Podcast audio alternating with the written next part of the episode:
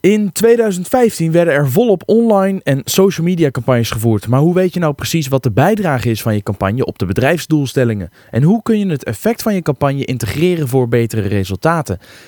In deze podcast praat ik met Rinske Willemsen en zij is directeur bij Clipit en deelt vijf belangrijke trends voor 2016 als het gaat over monitoring en measurement. En dat doen we aan de hand van het artikel dat zij schreef op frankwatching.com. Linkjes naar dat artikel en naar de diverse contactmethodes, social media kanalen vind je in de show notes bij deze aflevering. Ben je tevreden? Luister je vaker?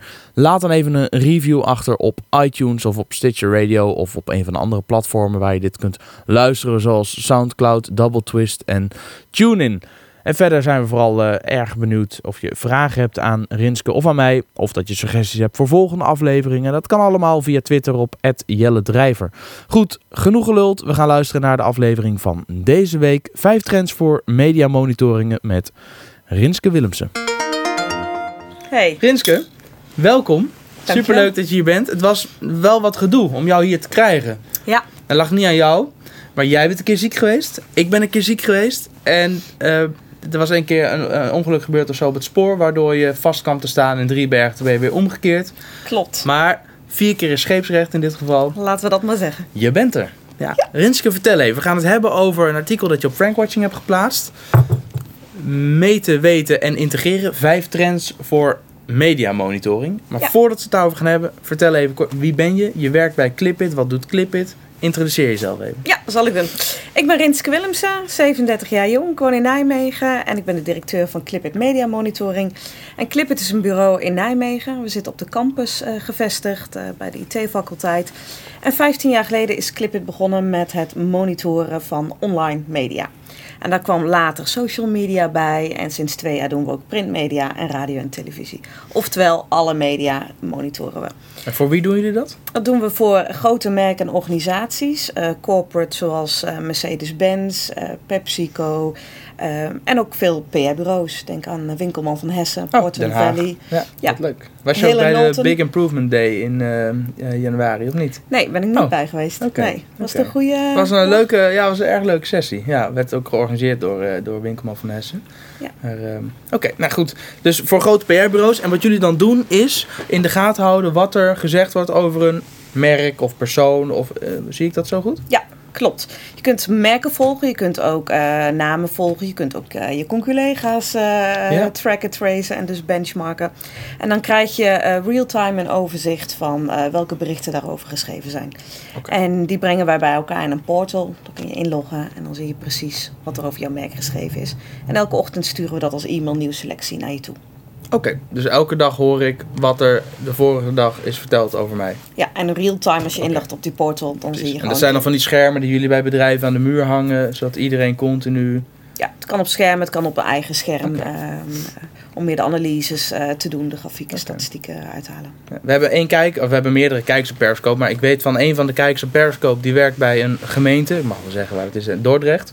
En daar hebben ze inderdaad ook van die hele mooie schermen aan de muur hangen waar ze continu kunnen zien wat er op dat moment eh, leeft in de gemeente. Dat soort tools, ik weet dat zij hebben dan toevallig Custo, eh, maar dat is zoiets, zou je het daarmee kunnen vergelijken? Ik denk dat wij, wij doen het breder. We brengen echt alle media in kaart. Ja. Dus niet Custo is alleen online, hè? We zitten Ja. vooral op social media. Wij zitten ook echt op printmedia en radio en televisie. En waar Clip het heel sterk op zit, is ook op eh, een sentimentsbepaling per bericht. Ja. Een brandingswaarde bepalen. Een PR-waarde berekenen. Zodat je ook, we doen dus veel aan dataverrijking. Waardoor je kunt duiden van wat zegt, doet dit nou voor mijn eh, merk? En wat draagt dit bij aan een campagne? Of eh, hoe doe ik het in de tijd ten opzichte van eerder? Goed, nou heb je vijf trends eh, geformuleerd in het artikel dat je hebt geschreven op Frankwatching. Laten we daar eens langslopen, want het zijn vijf Ja. trends op het gebied van media monitoring. En de eerste trend zeg jij paid and earned media. Leg eerst de verschillen even uit als je wil. Ja. ja, je hebt het verschil tussen earned, owned en paid media. Paid media is wat je inkoopt, het Ja. ouderwetse advertising model. Owned is wat je uitstuurt via je eigen kanalen. Dus via je eigen website, via Twitter kanalen die door de corporate zelf worden beheerd. En eh, de earned is wat je verdient, de free pu- publicity, de PR die je krijgt, eh, doordat andere mensen over jou eh, schrijven. En ehm, wat Clipit uh, van oudsher uh, altijd uh, deed en nog steeds natuurlijk doet, maar is die earned media in kaart brengen. Alleen we zien dat die verschillen vervagen. Wat is nou earned media en wat is nou paid media? Vroeger was dat, was dat heel duidelijk, dat verschil, maar wij zien dat steeds meer door elkaar heen lopen. Het voelt heel logisch. Voor het een moet je betalen en het andere niet. Ja, maar bijvoorbeeld blogging. Is dat earned of is dat paid media? Als ik uh, een blog plaats op mijn eigen kanaal en het wordt verspreid en mensen gaan het retweeten en ik betaal daar niet voor, dan zou ik zeggen dat is dan uh, owned media. En als andere mensen gaan retweeten is het earned. Ja. En als ik ga betalen op Facebook om die post extra onder de aandacht te brengen, dat boosten, of, ja, dan wordt het paid. Ja, of als een merk jou betaalt om ergens over te schrijven. Als Ja. jij een big influencer bent Ja. en ze zeggen van wil jij positief schrijven over, nou ja, eh, wat dan ook. En ehm, ja, dat zie je steeds meer. En dan is het gewoon eh, influencers met een grote schare fans, die doen dat ni- niet meer voor niks. Dus Nee. blogging is paid eh, media geworden. Ja. Dus als je Niet- bereik groot genoeg is, dan ja. Ja, ja. En, ehm, maar eigenlijk, we kunnen het over hebben, hè. is het eh paid, is het earned? Eigenlijk is het helemaal niet interessant. Want het gaat erom dat jij een groep daarmee bereikt. Een doelgroep die jij iets wil overbrengen. En eh, het gaat erom dat die boodschap dus bij een doelgroep terechtkomt. En hoe dat gaat, dat maakt eigenlijk helemaal niet uit. Want of het nou earned of paid is, je moet er moeite voor doen om een eh, goede boodschap over te brengen. En of je daar nou advertentieruimte voor inkoopt. Of dat je zorgt dat het eh, via de sociale platformen vanzelf, tussen haakjes, wordt verspreid. ja. Ehm, eh, dat maakt niet zoveel uit. Maar het loopt dus door, door elkaar heen. Oké, dat is die eerste trend, dat het gewoon in elkaar over gaat lopen en niet meer echt als losse. Ja, ja, en wat dat betekent is dat ook PR-afdelingen met marketingafdelingen steeds meer gaan samenwerken. Daar waar je het voorheen steeds, eh, veel meer als aparte zuilen in een organisatie zag, zie je nu steeds meer dat, het, eh, dat ze moeten samenwerken om een campagne goed over te brengen. En dat biedt voor ons ook weer kansen, want daarmee worden wij ook als, eh, als doelgroep, als afzetmarkt breder dan alleen PR-communicatie. Want zijn ook eh marketeers, de marketingafdelingen voor bedrijven steeds meer eh, interessant. En we zien het ook bij grote klanten van ons. Die vertellen ons ook wel van, nou, we werken dan al jaren voor de PR-afdeling. Maar PR-marketing wordt steeds meer onder één noemer geschaard. Eh, ehm, en zijn wij dus ook een partij die voor beide afdelingen werkt. Maar jullie, doen, jullie brengen het in kaart, de resultaten, of, of doen jullie meer dan dat? We Dan brengen, gaan jullie zelf ook eh, als PR-bureau op een gegeven moment optreden of zeggen, nee, dat laten we bij de winkelman van Hessen van Ja. deze wereld, maar wij gaan wel in kaart brengen wat er gebeurt. ja, we brengen het in kaart, we analyseren dat, we kunnen het ook nog duiden. Maar wij gaan geen advies geven over de PR-strategie van bedrijven. Oké, dus je helpt niet met het uitlezen van die data en zeggen, wat zegt dit nou eigenlijk en wat zou je er dan mee kunnen doen? Dat laat je aan de PR-bureaus over. Eh, we duiden de, wat er gebeurt. Wat er gebeurt. Ja, Ja. En de conclusies en de strategie en dergelijke, dat is dan aan. aan Ja. aan- Oké. klopt. Hey, de tweede eh, trend die je hebt geformuleerd is het meten van de bijdrage. En daarover zeg je: KPI's die het meten, Mm. die het effect meten van jouw communicatiecampagne, blijven een hot topic. De trend die daarbij speelt is van ROI naar ROV. Wat is het verschil? Ehm, ROV, eh, Return of Objectives. Dus wat zijn je bedrijfsdoelen uiteindelijk en hoe draag je daaraan bij met een eh, communicatieboodschap? En dat is wat we allemaal willen, business impact meten. Dus als je als bedrijf zoveel meer winst eh maken als doelstelling hebt of zoveel meer levens redden. Nou ja, hoe draag jij daaraan bij met die ene campagne? En dat is natuurlijk heel mooi dat we dat allemaal inzichtelijk, inzichtelijk willen maken, maar in de praktijk lukt dat niet echt. We kunnen niet één op één zeggen van door deze campagne hebben we 100 meer levens gered. Het is een samenspel van en het is niet één op één te relateren. Het zou heel mooi zijn. Ja, sommige campagnes kan het natuurlijk wel een keer conversie meten, et cetera. Maar in dit voorbeeld is het natuurlijk super lastig. Ja. ja. Ja. Ja. Dus dan heb je meerdere KPI's nodig om aan te geven van eh, wat is nou het effect van mijn eh, PR-inspanningen geweest. En welke voorbeelden kun je daarbij noemen bij die KPI's? Eh, nou, als clippen doen we de PR-waardeberekening. Dus eh, we kijken dan naar eh, hoe heb je in de media gestaan. Was dat positief of negatief voor jou? Wat was de brandingswaarde van jouw merk? Dus ging het echt over jou of ging het over ook heel veel van je collega's? Zat je kernboodschap er ook in verwerkt? Hoeveel volgers heb je bereikt? Nou, dat is een uitgebreide formule en dan komen we tot een PR-waardeberekening waarvan we zeggen van nou, dat, dat geeft voor jou een gevoel van hoe je het hebt gedaan. Nou, je moet dat wel in een brede palet zien. eh, en dan zie je ook weer trend 1, PR marketing wat bij elkaar komt. Dat je het ook met andere KPI's samen moet nemen. Zoals conversieratio, wat, eh, wat jou aangaf. Oké. Ehm, trend 3. Real-time marketing. Marketeers en PR en communicatieprofessionals beschikken steeds meer over real-time data als respons op hun marketingcampagne. Hun campagne staat er, wil eerlijk zijn. Dit biedt een scala aan mogelijkheden om direct bij te sturen als blijkt dat de boodschap niet goed aanslaat. Of juist een deel te belichten die het meest aanslaat bij de doelgroep. De real-time response op paid, owned en earned media kan in een overzichtelijk dashboard worden samengebracht. Specialisten op het gebied van SEO, CA, affiliate en display advertising, PR en communicatie kunnen daarbij direct campagnes optimaliseren. Ja. Oké, maar real-time marketing, dat, je ziet real-time de data en dan ga je real-time op inspelen. Ja. Kun je een, een case schetsen of een voorbeeld? Hè, je hebt, in het artikel verwijs je onder andere naar een, een filmpje van eh, een nieuw programma van, eh, van Talpa. Eh, kun je de luisteraars uitleggen, Ja. wat is dat dan? Hoe werkt dat in de praktijk? Ehm, deze voorbeeld is misschien nog leuk om te vertellen. Heb ik meegenomen eh, van een congres in Wenen. En dat ging dus over media monitoring en measurement. Eind vorig jaar. Eind vorig jaar, klopt. En een van de sprekers was daar Mindshare, eh, wereldwijd. Het eh, bureau wat als voorbeeld de Loop Room gaf. Ook wel bekend onder de War Room Ja. voor een aantal bureaus. En dat is eigenlijk dat je met allerlei grote schermen, ehm, met meerdere specialisten, en dan hebben we het over een CEO-specialist, een CA-specialist, PR en communicatieprofessionals, volgt wat er gebeurt in een campagne. En het voorbeeld wat in Wenen werd aangegeven was een eh, campagne van een Oostenrijkse krant. En er werd direct gemeten, ze moesten eh, geactiveerd worden tijdens een voetbalwedstrijd, van hoeveel mensen gingen nou echt eh, In meedoen. de rust of Ja, Ja. tijdens het spel moesten ze aangeven met voorspellingen en eh, nou moesten ze online geactiveerd worden. En ehm, ze hadden daar allerlei eh testing, allerlei AB-testing in gedaan en gekeken van wat werkt wel, wat werkt niet. En nog tijdens die anderhalf uur wedstrijd gewoon ook bijgestuurd van hoe krijgen we de meeste mensen actief. Ja. En dus niet alleen maar ehm, ehm, eh, met AdWords-campagnes hadden het veel breder ingeschakeld en real-time bijgestuurd. En nou, dat vind ik een hele mooie als PR en marketing samenwerkt. Dat je dus met heel veel verschillende kengetallen direct kunt bijsturen. Maar dan zit je dus tijdens een voetbalwedstrijd in dit voorbeeld in een soort war room vol met schermen waar Ja. je alle real-time data ziet. En met elkaar ben je op dat moment aan het sparren over hoe gaan we hierop in en wat gaan we anders doen. Ja. Eh, Ja, het optimale resultaat. maar wel, dat klinkt dan wel meteen, dat is echt voor de grotere corporates weggelegd. Want voor een, een, een relatief klein, kleine ZZP'er of een zelfstandige of een kleinere MKB'er kan ik me voorstellen dat het wat lastiger is om meteen zo'n hele war room in te richten. Of is het, eh, praat ik nu onzin? Nou, het is ook kleiner eh, mogelijk. Daar is het inderdaad indrukwekkend met al die beeldschermen op een rij. Maar als de tools er zijn en je daarover beschikt. En hè, over media monitoring kan iedereen beschikken. Over Google Analytics. Ja. Hè, dat kun je ook gewoon kleinschalig eh, zelf doen als ZZP'er. En met meerdere beeldschermen gewoon zorgen dat je echt tracked en traced van wat gebeurt er. En wat moet ik aan mijn campagne aanpassen om het beter te laten aanslaan. Wordt het in jouw beleving nu te weinig gedaan? Het actief bijsturen en, en eh, vaak genoeg kijken naar dat soort data, naar analytics en kijken wat doe ik nou eigenlijk en hoe gaat dat?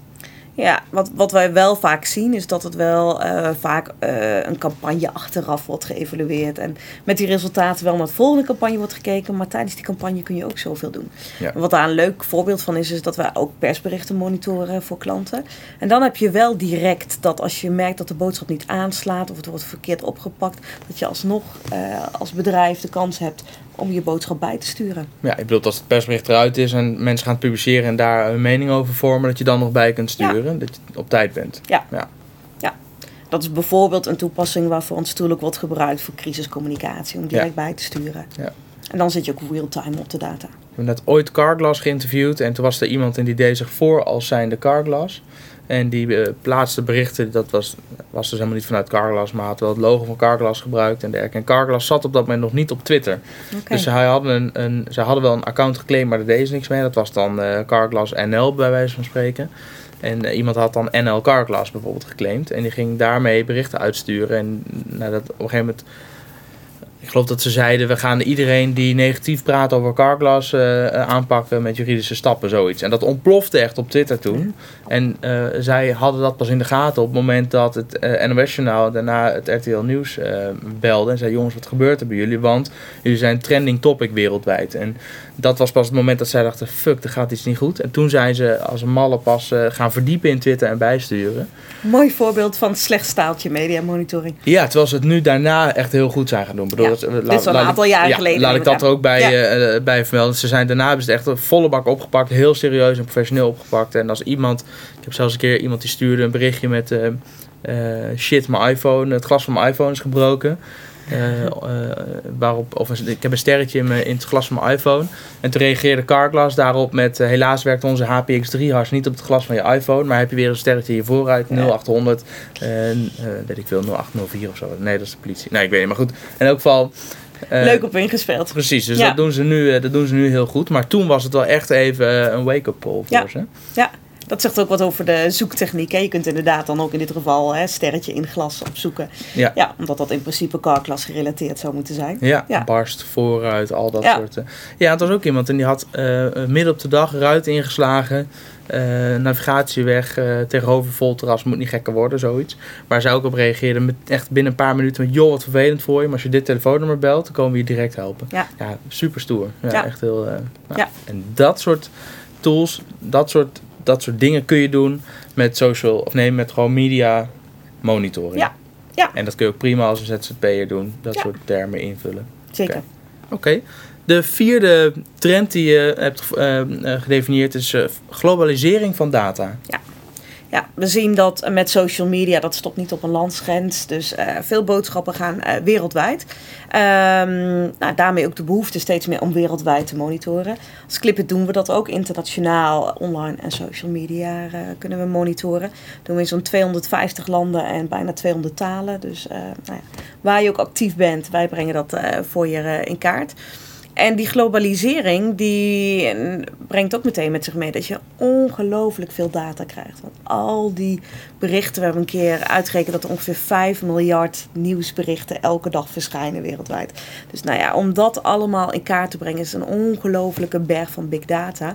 En we gaan ook steeds meer werken voor bijvoorbeeld onderzoeksbureau. Die zeggen van uit die big, big data, ga daar nou eens voor mij destilleren wat voor mij relevant is op dat specifieke gebied. En ga dan eens eh, proberen trends eh, eruit te halen of eh, bepaalde inzichten die bijvoorbeeld een voorspellende waarde kunnen hebben uit die big, big data. Dat is wel een interessante. Oké, maar van big data naar smart data is dan de volgende alinea. Want het is leuk dat je al die data hebt, maar en dan? Ja. Ehm, nou, bijvoorbeeld van onderzoeksbureau zijn we bezig met de brandingswaarde van een bekende Nederlander te Ja. tracken. Nou, dan kun je zien van eh, wat voor waarde heeft die bekende Nederlander. Als je dan ook weer benchmarkt met anderen, kun je ook kijken van nou, welke kansen zijn er voor jou. Maar voor wie is dat interessant?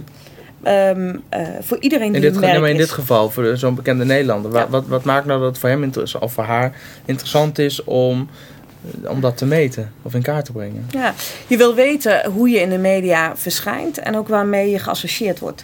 Is dat positief? Is dat negatief? Eh, ehm, Die bekende Nederlander wil dat weten. ja. Omdat? omdat hij zich als een merk ziet. En je wil weten hoe zijn merk ervoor staat. Ja, Maar wat, en wat doet diegene daar dan mee? Zegt, ja, shit, ik kom eigenlijk helemaal niet zo heel positief naar voren. Ja. Dan gaat hij, eh, gaat hij lobbyen of gaat hij... Nou ja, je weet dan wel waar het in zit. Van waar schiet ik dan tekort in? En als je dus ook benchmarkt met conculega's of met andere merken, dan weet je wel van waar doen anderen, wat hebben zij slim gedaan, wat heeft goed voor een merk gewerkt en wat ook helemaal Oh ja. niet. En wat zou ik dan ook kunnen doen? Ja, eh, eh, eh, dan ben ik wel benieuwd hoe, jij dat ziet. In hoeverre is dan het beeld wat je bijvoorbeeld... Nou, gelukkig meten jullie meer dan alleen Twitter. Maar wat je bijvoorbeeld eh, op Twitter... Wat op Twitter geschetst wordt van zo'n BN'er... eh, in hoeverre is dat representatief? Ik bedoel, de drempel om maar te spuien Ja. is, ook, ehm, ehm, is ook heel laag. Maar goed, aan de andere kant, op Twitter worden natuurlijk ook weer positieve berichten eh, gedeeld. Maar in hoeverre is dat nou representatief voor hoe, het- hoe, hoe er echt over iemand gedacht wordt? Ah, dan kom je weer bij wat ik eerder zei, het is een deelkengetal. Deze bus, eh, en zeker als je online en social media, inderdaad, er kan veel ba- bagger tussen zitten. Je moet naar meer kijken. Maar eh, ehm, eh, de bus in de media, samen met een imago-onderzoek, nog andere kengetallen, geeft jou wel in totaal een beeld Ja. hoe je als merk ervoor staat. Ja, je moet je niet blind staren op één getal. Nee. Nee. Oké. Trend 5, de vijfde alweer, dan zijn we, al- zijn we alweer rond. Visuele content monitoren. En daar heb Ja. je een plaatje bij gezet van een, een, een, een, een, ehm, koffiekop van eh, Starbucks. Ja. Dat zelfs dat logo van Starbucks wordt dan herkend door software. Ja. Vertel. Het is een trend, het is nog in ontwikkeling. Het is nog niet, eh, we zijn eh, aan het kijken voor een pilot, maar het is er nog niet. Maar ehm, wat we dus al langere tijd doen, is tekstherkenning en ook eh, spraakherkenningstechnologie toepassen om tv- en radiofragmenten uit te kunnen lezen. Maar wat je steeds meer ziet, is met de opkomst van Pinterest, Instagram, dat ook ehm, eh, beelden uitgelezen, de vraag om beelden uit te lezen. En ehm, ook met de hele eh blogging-industrie.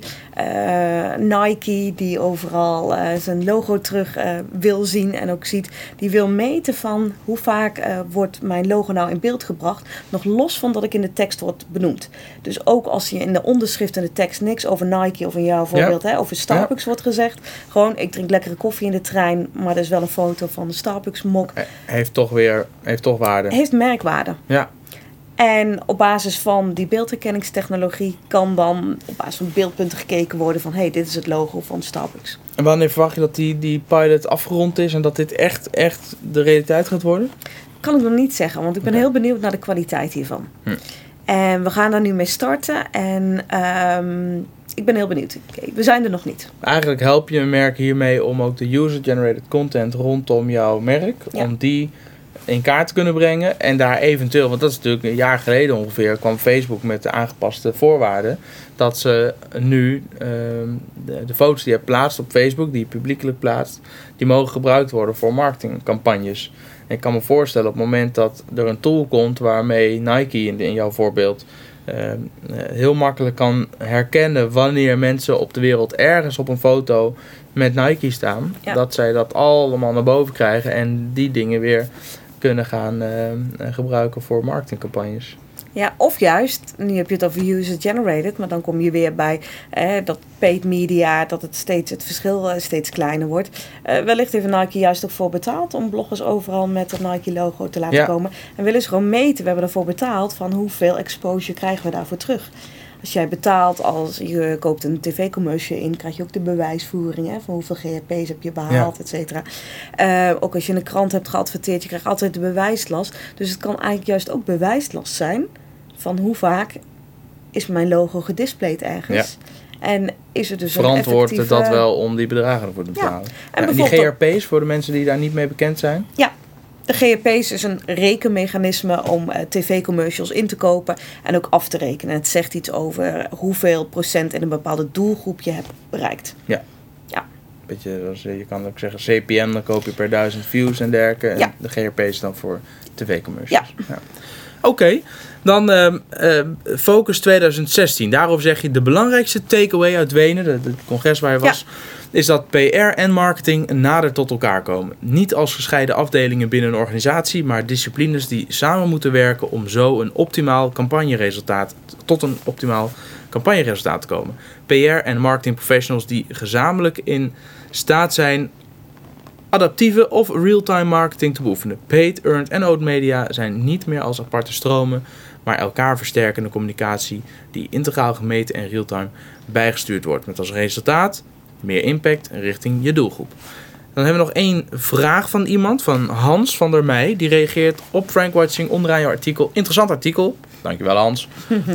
ik ben alleen wel nieuwsgierig welke, bedoelt hij denk ik, welke data er dan echt toe doet. Hoe zetten we de stap van data naar kennis en strategie? Wat zijn daarin de trends? En doet telefoon bijvoorbeeld mee?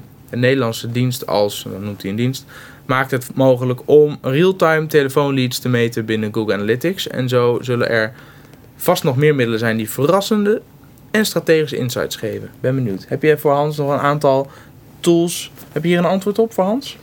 Nou, ehm, nee, niet direct. VoIP is eh, echt iets anders dan wat wij doen. En dat nemen wij tot nu toe niet mee. Ehm, ik vind het wel interessant als je zegt, PR-marketing bij, komt bij elkaar. Dus moet je veel breder eh, palet eh, naartoe naar kijken. Ehm, maar ik zit meer te denken aan bijvoorbeeld analytics om hè, marketingresultaten te vergelijken met media monitoring resultaten. En hoe versterken die twee uitkomsten elkaar dan eh, de voorbeelden die hij eh Ja. Want hij vraagt wel hoe zetten we de stap van data naar kennis en strategie. Ja. Heb je dan daar tips over? Ehm, Nee, nee, maar dat is ook omdat ik niet op de stoel wil gaan zitten van onze grote klantgroep. En dat Ja. is eh, PR-bureaus. En zij zijn degene die de data en de inzichten die wij uit die data aanleveren, de kennis eh, Ja. daarmee opdoen en de strategie van hoe ga je hiermee om en Ja. hoe ga je dan echt een campagne verbeteren. Dat lijkt me voor jullie een hele heldere en duidelijke strategie. Jullie zorgen voor de data, het inzichtelijk maken. Ja. Die lever je aan bij andere partijen die weer heel goed zijn in het helpen Ja. eh, met eh, de stap van data naar kennis en strategie. Ja, Oké.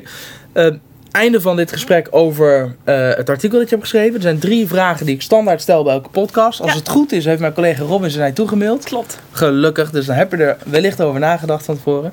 Heb je, we hebben hier een hele kast met, eh, met boeken op de achtergrond. Ik ben dol op managementboeken, businessboeken, marketingboeken. ja. eh, ja. dit zijn ze nog niet eens allemaal. Maar dit is, op een gegeven moment groeide thuis uit het jasje. dacht ik neem ze gewoon mee naar kantoor. Wat is nou jouw favoriete businessboek of marketingboek? Ik ken overigens heel wat van de titels. Een echt leuke bibliotheek heb je hier. Ehm, mijn favoriete boek is eh Grote Groeien van Kees de Jong. Groter groeien van Kees de Jong. En eh, het is echt ehm, over groeiformules van ondernemingen. Een heel pragmatisch boek met tips en tricks eh, voor hoe je omgaat met de uitdagingen als je als bedrijf groter wil groeien. Dat is de ambitie als Clipit. We willen echt eh 20% per jaar eh, gaan groeien. Eh, Dat eh, zijn we heel goed mee bezig. En hij komt met inzichten van waar loop je dan als ondernemer eh, tegenaan en waar moet je als ondernemer of directeur ehm, ja, voor zorgen om, om ervoor te zorgen dat je ook echt grotere kunt gaan groeien. Ja. Het is heel pragmatisch. Het is vergeleken met de meeste management- en businessboeken hier. eh, het is niet met modellen. Het is Oké, echt ehm, Gewoon hands-on. ja. Leuk. super Ik pragmatisch. ga hem lezen. Ja, Ja. ik ben, eh, ben erg Ik heb hem benieuwd. bij me. Oh, echt Ja. waar? Oh, dan wil ik hem zo wel even zien. Vind ik leuk. Oh, ik zie hem. Dat, die hebben hem daar op de zitzak liggen. Ja. ik. Ik had, hem, ik had hem nog niet gezien, maar nu het zegt. Groter groeien. Leuk, ik ken hem niet. Je bent directeur, bij, hè, nog steeds eh, ondernemend. Mhm. Je bent vast in de afgelopen jaren wel eens op je bek gegaan. Ja. Dus je hebt vast ook een favorite failure. Zo'n failure waar je nu op terugkijkt en denkt, oh ja, toen. Maar ik heb er wel heel veel van geleerd. En Ja. zou je die les dan met de kijker, luisteraar willen delen? Ja. Zodat ze niet dezelfde fout maken. Hij ligt op eh, managementgebied en ook in het kader van het grote groeien wat ik net eh, noemde. En dat is de valkuil dat je als directeur zelf heel erg in het bedrijf gaat werken. Dat je de salesafdeling zelf aanstuurt. Dat als er een zwangerschapsverlof is, dat je zelf ook de marketingmanager gaat spelen. En eh, dat is ook mijn achtergrond, dus dat leek me heel logisch om dat er ook even bij te doen. En als dan de office manager een tijdje weg is, dan ga je dat ook even erbij doen. Dus inmiddels zit je heel erg eh, in, het bedrijf aan alles te werken. Maar zit je niet meer overal te kijken van ehm, eh, waar moet Clip het heen en zijn we de goede dingen aan het doen. En eh, zelf loop je daarin ook helemaal vast, want je wordt gewoon, is gewoon too much. En voor het bedrijf is het gewoon niet goed. En dat is een van de dingen uit het boek van Kees de Jong: van stap niet in die val- valkuil dat je in je bedrijf gaan werken, gaat werken. Je moet aan de onderneming gaan werken. En eh, nou, een hele wijze les voor mij. En want dat is gebeurd. En, en wat gebeurde er op dat moment? Waar merkte, wanneer, wat was het moment dat jij dacht, nu moet ik echt, nu moet ik weer in die helikopter gaan zitten, anders gaat het mis. Ja, nou, meer dat het voor jezelf veel te veel wordt. Maar ook dat eh, er strategisch gewoon even te weinig gebeurt. Dat er drie, vier maanden blijft stil liggen. Omdat Oh ja. je gewoon alleen maar hands-on zelf de dingen aan het eh, regelen bent. Oké, Nou ja, en dan gaat het eigenlijk op twee fronten verkeerd. oké. Zelf trek je het niet meer, maar overal eh, gebeurt er eigenlijk niet hetgene wat je moet doen. Toen heb je gezegd, ik stop even. Ik ga er weer boven staan en ik ga gewoon iemand aannemen die dat zwangerschapsverlof en die die office manager taak voor zijn rekening gaat nemen. Ja. Oké, Ja, en we hebben ook wel sowieso de laatste tijd flink geïnvesteerd eh, in het team. Flink uitgebreid, ook wel in senioriteit eh, flink eh, geïnvesteerd. Dat we eh, ja, gewoon stevige managers op alle posities hebben zitten. goed man. Ja. Maakt Laatste het vraag. leven voor mij een stuk makkelijker. Ja, heel goed. Ja. Nou, jij kan je weer focussen op eh, vooruitgaan in Ja. plaats van hè, groeien. Ja. Goeie. Heb je een favoriete quote? Zo eentje die je op een tegeltje aan de muur zou kunnen hangen waar jij en je collega's inspiratie uit kunnen halen? Ja, wat ik altijd wel een mooie vind, ehm, en die, die ken ik al jaren. Hij komt uit het boek van Robert Benninga, Haal het beste uit jezelf. Mhm. En daarin zegt hij eh, helemaal voor in het boek van... ehm, je kunt nooit helemaal, eh, of je kunt nooit bepalen hoe de wind staat... maar wel voor de volle 100% hoe jouw zeilen daarin staan. Ja. Oftewel, je staat aan het roer van je eigen leven. Ja. En of dat nou zakelijk of privé is, als het niet gaat eh, zoals jij dat wil... dan moet je het roer omgooien en het een andere richting op eh, eh, sturen. En Clipit is een innovatief bedrijf, high-tech, volledig geautomatiseerde processen met groeiambitie. Dus ook daar moet je af en toe echt even aan dat roer trekken en de wending gebruiken om het weer de goede, goede kant op te sturen. Oké. Dan ben ik nog even benieuwd. Een mooie quote overigens. hè. Eh, Het valt een beetje hetzelfde straatje als op de wind van gisteren. Kun je vandaag niet zeilen. Ja. Eh, Oké, ja.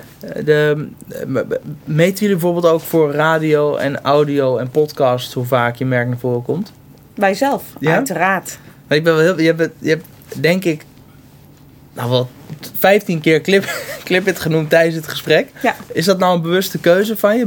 Ben je er zelf echt op, op, op ingesteld om zo vaak mogelijk in, bij dit soort uitingen je bedrijfsnaam te laten vallen, omdat je bewust bent van de mogelijke PR-waarde die eraan vastzit? Of gaat het automatisch? Nee, dat gaat automatisch. Niet omdat ik dan eh, zoveel hits terugkrijg in de clippen toe. Ehm, nou, wel omdat ik graag eh, wil laten zien wat clippen Tuurlijk, doet. dat maar snap dat is wat ik. anders. Ja. Ja. Ja, ja. Ja. ik me af. Maar ik ga, ik ga wel even checken hoe vaak... Ja, ik ben eh, benieuwd. ja. Kijk, en ik ben ook benieuwd of het dan ook echt gewoon uit die tool rolt. Of die gewoon zegt, nee, we hebben het zo vaak gehoord. ja, hij Lachen. registreert elke vermelding. Ja. Maar het is ook, hij luistert dus ook. Of hij, ze, het, het systeem luistert. Ja, de radio en televisie is met spraakherkenningstechnologie. Ja. Dus dat wordt omgezet naar tekst. En elke keer dat ik clipit wordt genoemd, wordt dat geregistreerd. Check weer eentje. Ja. Ja. En hij kijkt dan binnen een programma hoe vaak je wordt eh, genoemd. En ook, ehm eh, daar zit wel een grens aan dat het niet oneindig veel eh, Ja. meer oplevert. Dat op een gegeven Snap moment ik. is het duidelijk dat het over Op een gegeven moment gaat het misschien zelfs weer, wordt het weer minder. Kan Ja. mensen zeggen, overkill. ja. Ja. De, gewoon voor mijn beeld van, wat, wat, wat kost het om jullie tool te gebruiken? Vanaf eh, 200 euro per maand heb je eh, één zoekopdracht in alle media. Dus online social media, ehm, eh, printmedia en ook radio en televisie. Oké. Ja. Helder. Nou ja, niet nog een keer te noemen. Ik denk dat mensen inmiddels wel weten waar ze terecht Ik zal er moeten. geen overkill Ja, van ja, nee, maar clipit.com of .nl, wat is het? .nl. Oké, als ze vragen hebben aan jou, kunnen ze je eh, op Twitter bere- bereiken? Twitter, at Rinske Willemsen of uh, Rinske at clipit.nl rechtstreeks. Renske, dankjewel. Dankjewel. Deze Frankwatching podcast werd mede mogelijk gemaakt door Peper in je pand. Je eigen kantoor in de leukste bedrijfsverzamelgebouwen van Nederland. Voor meer info en aanbod kijk op peperinjepand.nl.